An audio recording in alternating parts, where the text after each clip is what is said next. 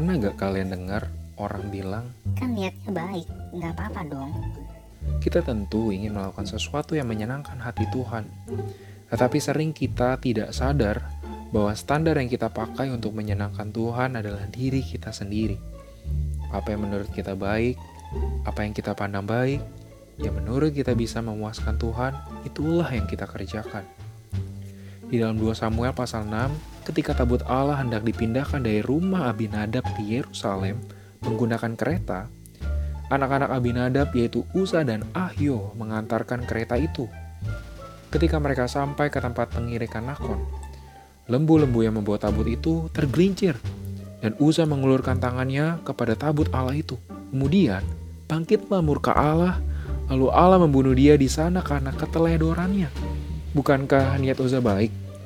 Tetapi mengapa Allah menganggap itu suatu keteledoran? Bagi manusia ini nggak masuk akal. Karena Uza berniat baik supaya tabut itu tidak jatuh. Tetapi Allah tetap kepada firman-Nya.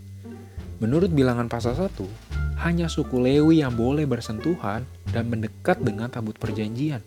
Sementara orang awam yang mendekat harus mati. Kiranya kisah Uza ini menjadi suatu peringatan bagi kita agar kita tidak lagi menyenangkan Allah menurut standar kita, menurut apa yang kita pikir baik.